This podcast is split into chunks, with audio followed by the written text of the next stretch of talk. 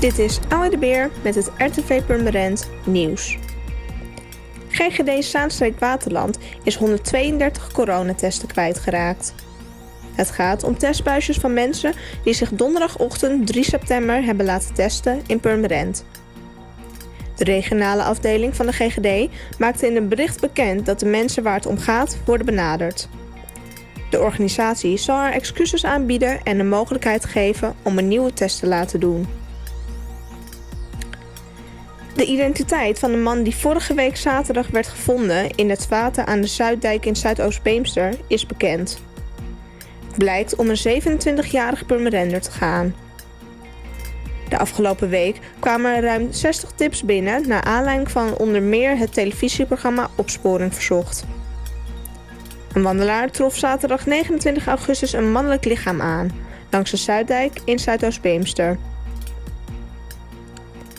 Multi-Ice heeft de Vattenfall Smaakmakers 2020 gewonnen. In het eerste kwartaal van 2020 ging Horeca Nederland TV samen met Vattenfall op zoek naar smaakmakers. Horeca-ondernemers uit het MKB-segment die goed bezig zijn op gebied van duurzaamheid. De prijs was een cheque van 4500 euro.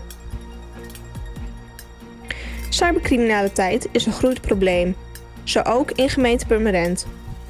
Daarom is de gemeente op zoek naar junior cyberagents. Kinderen tussen de 8 en 12 jaar die zichzelf en hun omgeving digitaal vaardig maken. De beste cyberagents worden woensdag 9 december gehuldigd.